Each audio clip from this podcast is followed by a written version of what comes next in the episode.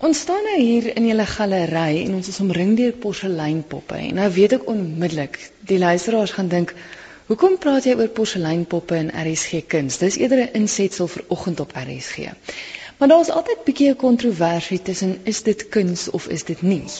Ja, ek moet dit dalk met 'n intrapslag probeer sagkens sê, maar ek dink dit hang soms af van my eie snobisme. Ek dink mense beoordeel kuns dikwels uit 'n uh, baie elitistiese aanslag en dit is hoekom mense soms kyk na poppe as 'n kraft en nie as 'n kunsvorm nie. En ek dink dit is dieselfde kwessie wat jy het met kralewerk, met kleipotte. Dit word internasionaal erken as 'n 'n handwerk, 'n vakmanskap en nie regtig as kuns nie. Ek dink dit is eintlik maar die bepalende faktor. Maar ek dink as jy rondom die tegniese detail kyk van die porseleinpoppe wat Elise Johnson gemaak het, En as jy kyk na die detail selfs van die klere en van die juweliersware wat sy alles bygevoeg het, as jy kyk na die styl periodiese korrektheid van die klere wat sy geskep het vir daai poppe, dan sien jy 'n totale prentjie wat regtig waar sterk vakmanskap vir jou wys, maar hoof al die respek gesê, uh ek dink enige kunstenaar verstaan ook maar vakmanskap want jou medium waarmee jy werk is tog vir 'n persoon belangrik. Jy werk met dit waar wat met jou praat. Mm. Met haar het porselein sterk gepraat. So die vraag is as jy nou 'n porseleinbeeldjie sou maak met die spesifieke medium, hoekom word dit minder geag van 'n bronswerk? Nou ons gaan nou die luisteraars in elk geval die wat nog steeds dink dis nie kuns nie, gaan ons nou 'n bietjie oortuig en oorreed dat dit wel is. Ons praat gou eers oor Elise Johnson. Dis die vrou wat verantwoordelik is vir al hierdie mooi poppe. Hier's ook van haar beeldhouwerk en drie van haar skilderye. Wie is sy? Wie was sy? Want sy is onlangs oorlede, is ek reg? Uh jong Elise baie bekend in Pretoria omdat sy basies hier 'n skool gehou het. Sy het hier studeer. Sy het in die visuele kuns by Unisa het sy klaar gemaak. Sy het by Wonderboom Laerskool vir baie jare skool gehou. Sy het in die beeldende kuns ook dan praktiese klasse gaan neem. Sy het oor see gereis in die FSA in Brittanje in Europa het sy ook by die poppemeesters gaan klas neem. So haar akademiese agtergrond strek redelik wyd en dis weer 'n interessante kwessie, haar visuele kuns by Unisa en dan ook die die kunshandwerk waarin sy gaan spesialiseer het wys weer vir die twee het mekaar goed aangevul. Sy is so ongeveer 5 jaar gelede is sy oorlede en sy het van tyd tot tyd sporadies bietjie uitgestal maar nie 'n volledige versameling nie. Ons het hier 61 voorbeelde van haar porseleinpoppe, maar daar is aansienlik meer van hulle maar ons moes afskaal omdat ons 'n baie spesifieke tema ook probeer uitbeeld het en voordat Elise eintlik haar eerste groot eenman uitstalling sou gehou het by die Kultuurmuseum hier in Pretoria onder die leiding van Annelie Karelsen die kurator daar 'n week voor die opening is sy oorlede aan kanker. So dit is 'n gewellige teerpunt vir ons gewees op daai stadium en natuurlik vir die familie omdat hierdie vrou so ongelooflik toegewyd was. En ek moet vir jou sê die voorreg om saam met Elise te gewerk het aan daardie uitstalling was dat sy baie soos enige goeie onderwyser dink ek maar uh dat sy baie pertinent was op tegniese vaardighede oor die materiale wat sy gebruik het. So ek het nog 'n redelike goeie geheue van 'n klomp wenke wat sy my gegee het wat wat 'n mens behoort te doen en nie Ons gaan nou daarby kom. Ek wil gou eers praat oor die tema. Jy het nou genoem dat jy 'n spesifieke tema gehad het met die uitstalling. Eintlik moet 'n mens eers teruggaan en sê onthou Elise het gewellige liefde vir klein kindertjies gehad. So sy het dikwels van fotos afgewerk, baie poppies nagemaak. Dan moet mens nou onthou die hele proses. Ehm um, letterlik die poppie in klei gemaak en agterna het sy hom gemould in porselein selfs met die armpies en die beentjies dan alles in 'n lyfie gesit en dan aangetrek, klere alles self gemaak. Nou so haar kindertema is een van die sterkste temas nog altyd en dan het sy sommer vir hulle naampies uitgedink. Sy het sommer besluit hierdie kind se naam is dit en daai kind se naam is dat. So sy het hulle soos mensies behandel. Wat sy baie sterk ook gedoen het, sy het navorsing gedoen by die kultuurmuseum rondom die periodiese kleredrag. Dan het sy ook baie van haar poppe so periodies aangetrek. Soms is dit problematies want sy het 'n klein bietjie kreatief met die periodes uh, omgegaan, maar wat ons dan basies hier gedoen het is om meer fokus te lê op daardie tydlyn styl periodies, met ander woorde van uh, voor uh, kom ons noem dit maar prehistoriese tye met velklere deur die klassieke periode, die renessans, die barok en regdeur tot by die 1980s. So dis die sterkste fokus wat hier op die uitstalling uitkom, maar mens moet onthou dat haar groot eintlike liefde en passie was maar die kindertjies gewees. Is ons nou 'n klomp poppe waarna ons kan kyk? Is daar spesifiekes wat jy wil uitlig aan die luisteraars wat dalk 'n interessante storie het? Ja, ek dink wat baie lekker is, is dat mense byvoorbeeld kom ons sê rondom Renessans periode, spesifiek kyk na die materiale wat gebruik is, natuurlik kyk jy logies na die styl van die periode, maar vir my is dit interessanter in die opsig dat baie van hierdie poppe vir jou eintlik wys hoe lyks die Europeërs geleef het rondom daai tyd. Ons praat nou meer van die uh jou jou bo-gemiddelde klasse. En hoe ver hierdie sy en hierdie ongelooflike mooi brokate van die ooste af ingekom het na hulle. So dit is vir my baie interessante aspek wat uitkom. Maar sy het ook historiese figure uitgebeeld. Ons het hier 'n Anna Netling Pool wat as sy baie baie jong aktrise hier uitgebeeld word. Uh ook in periodiese klere dra waar sy 'n middeleeuse werk doen dan het ons hier 'n baie baie mooi uitbeelding van Maria van Riebeeck. Ek dink enige iemand wat die oorspronklike skillery al van haar gesien het, sal haar onmiddellik herken. Oh, ja. uh, wat van die Ryksmuseum in Nederland kom, maar wat ook logies hier as 'n kopie bestaan by die Kultuurmuseum, so jy herken haar onmiddellik. En dan is daar ook 'n baie baie sterk voorliefde vir uh, Emily Hophouse.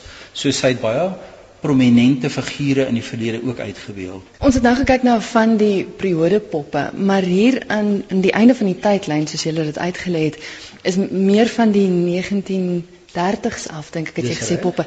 En bo is die poppe wat sy gemaak het en onder het hulle poppe ingesit wat sy versamel het, want dit het sy ook gedoen. Dis reg. Ek dink enige poppemaker sal logies ook kyk na periodiese poppe elders in die wêreld. So een van die wonderlike voorbeelde wat sy byvoorbeeld bymekaar gemaak het hier in die 30er kas is die klein graaf Renet poppie want hulle is so skaars soos hoendertande. Dit is hierdie sissietjie wat hier heel voor by ons sit. Jy gaan sien is papiermasjie, so dis moeilik om hulle te bewaar.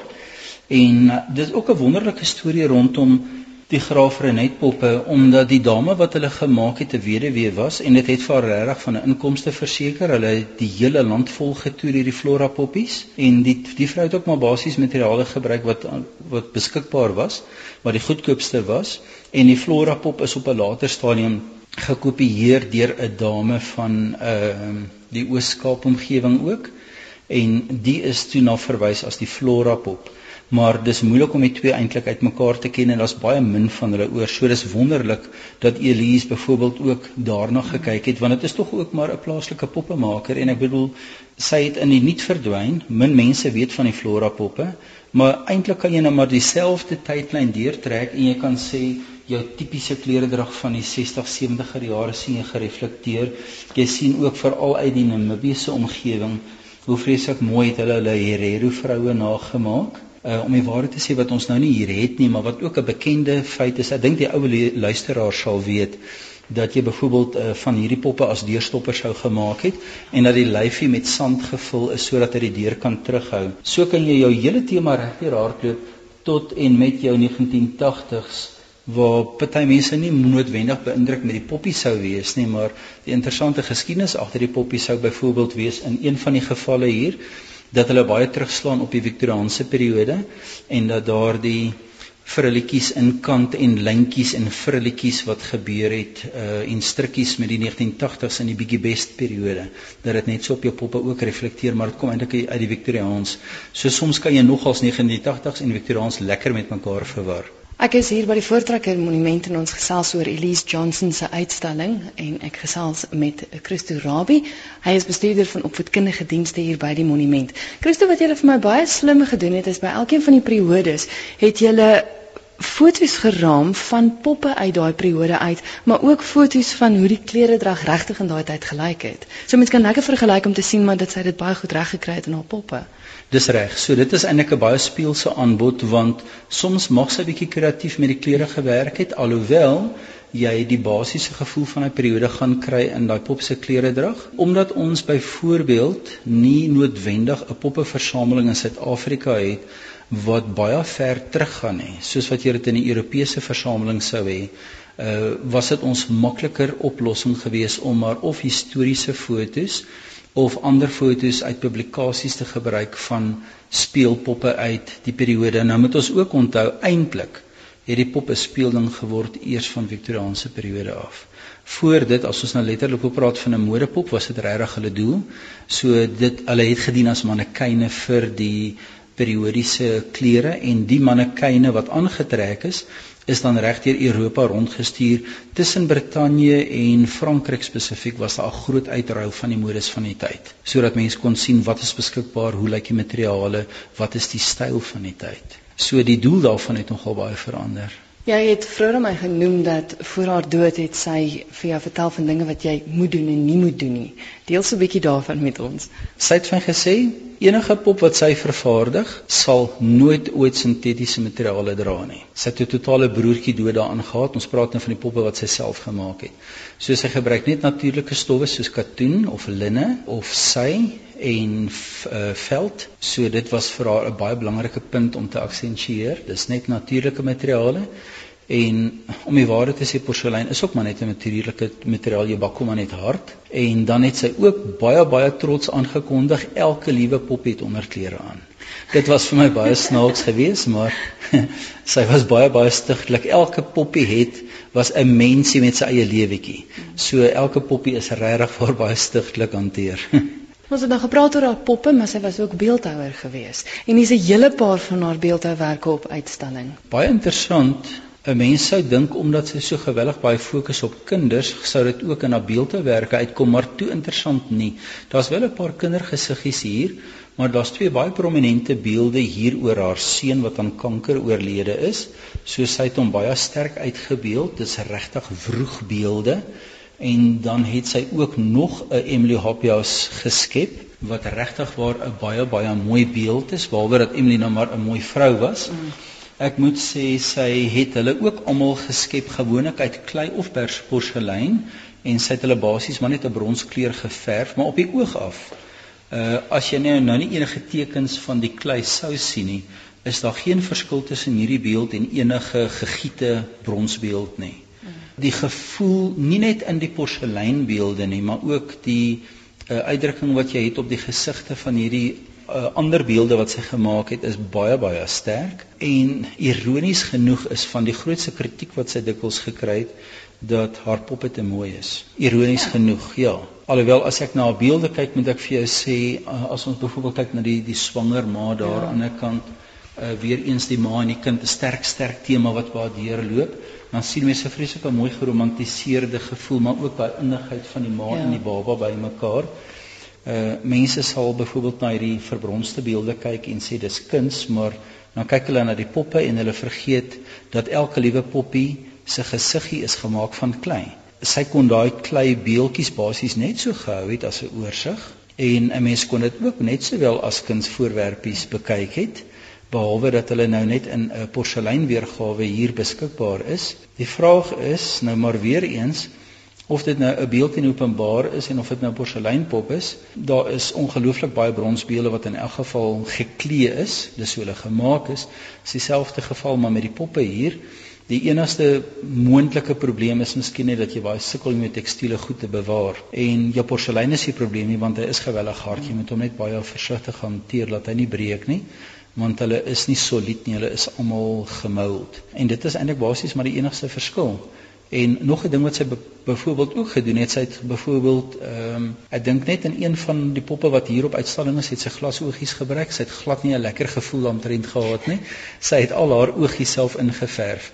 En die bakproses rondom dit is ook weer eens totaal en al gek, want jy moet daai popbeeltjie Daai porseleinkoppie moet jy ten minste 7 keer in jou oond indruk en jy moet hom verf en weer bak en weer verf en weer bak. So dis 'n sewemalige proses. Jy sal byvoorbeeld sien die opening van die uitstalling met daardie mooi Nama dogtertjie was 'n geweldige probleem geweest om die velkleur reg te kry om die die kleurvariasies op haar oë perfek te kry was nie maklik geweest nie. So jy kan nou maar kyk na die beentjies, die armpies, die koppie wat hier aan die lyfie vasgemaak is, was ten minste 7 keer binne in daai oond gewees. En wat vir my so mooi is, sy het 'n foto van die dogtertjie geneem. Sy het haar hele storie neergeskryf en hier is 'n trapsiekie ook wat sy vashou. Baie baie interessante kultuurkonteks hierso. Ehm um, in die Nama kultuur onthou hulle is van die min oorblywende Khoikhoi of Hottentot mense nog hier in Suidelike Afrika. Ook baie sterk reënmaakpraktyke gehad net soos die San of die Boesman mense. Hierdie trapsiekie het daardie betekenis. Hmm. As jy met vreemde gediertes kan omgaan en jy kan hulle vashou en jy het geen vrees daarvoor nie, is dit ook 'n baie sterk aanduider soos met die shamans dat jy beskik oor die vermoëns om reën te maak byvoorbeeld. So dis alles kultuurkonteks wat van baie baie ver af kom. So laaste vraag net gou oor haar skilderye. Ek het nou intussen tyd gesien dis 4 en nie 3 nie. Ja. Vertel my gou vinnig net van die feit dat sy geskilder het ook. Ja, ek dink dit wys 'n ander sy van haar want 'n mens vergeet natuurlik ehm um, baie van haar werk het sy gedoen van fotos af en dan het sy driedimensionele beelde daar uitgeskep of porselein of andersins maar haar skilderye hier is ja soos jy gesê het vier van hulle wys weer eens vir 'n ander aspek. Ek dink nie dit is altyd maklik vir 'n kunstenaar om in beide te werk nie. 'n Skildery se plat vlak of 'n tweedimensionele voorwerp is totaal anders. Wat ek eerlikwaar moet sê, dieselfde soos met haar beelde, daar's baie sterk emosie. As jy kyk na die Zulu dansers, mm. hulle is absoluut in 'n wêreld van hulle eie en hulle dans opgeneem ehm um, die dame wat ons daar geplaas het by die drie baie mooi beelde met onder andere Emily Hoppel se uh, kopstuk. Daai uh, skildery wys vir ongelooflike sterk emosie en wroging op die vrou se gesig waar die voortrekker meisie byvoorbeeld nou totaal en al verdroomd is en dan is dit eintlik seker maar ter wagte sy sou altyd seker maar weer eens gekyk het na klein kindertjies. Dis haar groot groot liefde gewees. Sy was baie jare onderwyseres gewees. So dan het sy ook 'n skildery van 'n dogtertjie gemaak. Christo tot wanneer toe is julle uitstalling te sien? Ons uh, bly regdeur die jaar oop. Ek dink is net Kersdag wat ons nie oop is nie. Uh ons is egter ook net gedurende uh maandag tot Vrydag as die galery oop, maar ons het daarom nog die vakansieperiode voor ons in Januarie is 'n periode so mense is baie welkom om gedurende die week in te kom. Ons het ook 'n klein brosjurietjie wat die dogters Christine byvoorbeeld en haar suster uh hier gelaat het met meer persoonlike inligting oor haar ma en dit is vir my interessant om te sien hoe direk die kontak is tussen die publiek. Hulle wil weet wie is hierdie vrou, wat het sy gedoen. So ek is baie bly dat die die dogters byvoorbeeld dit hier ook gelaat het vir die publiek om op te tel.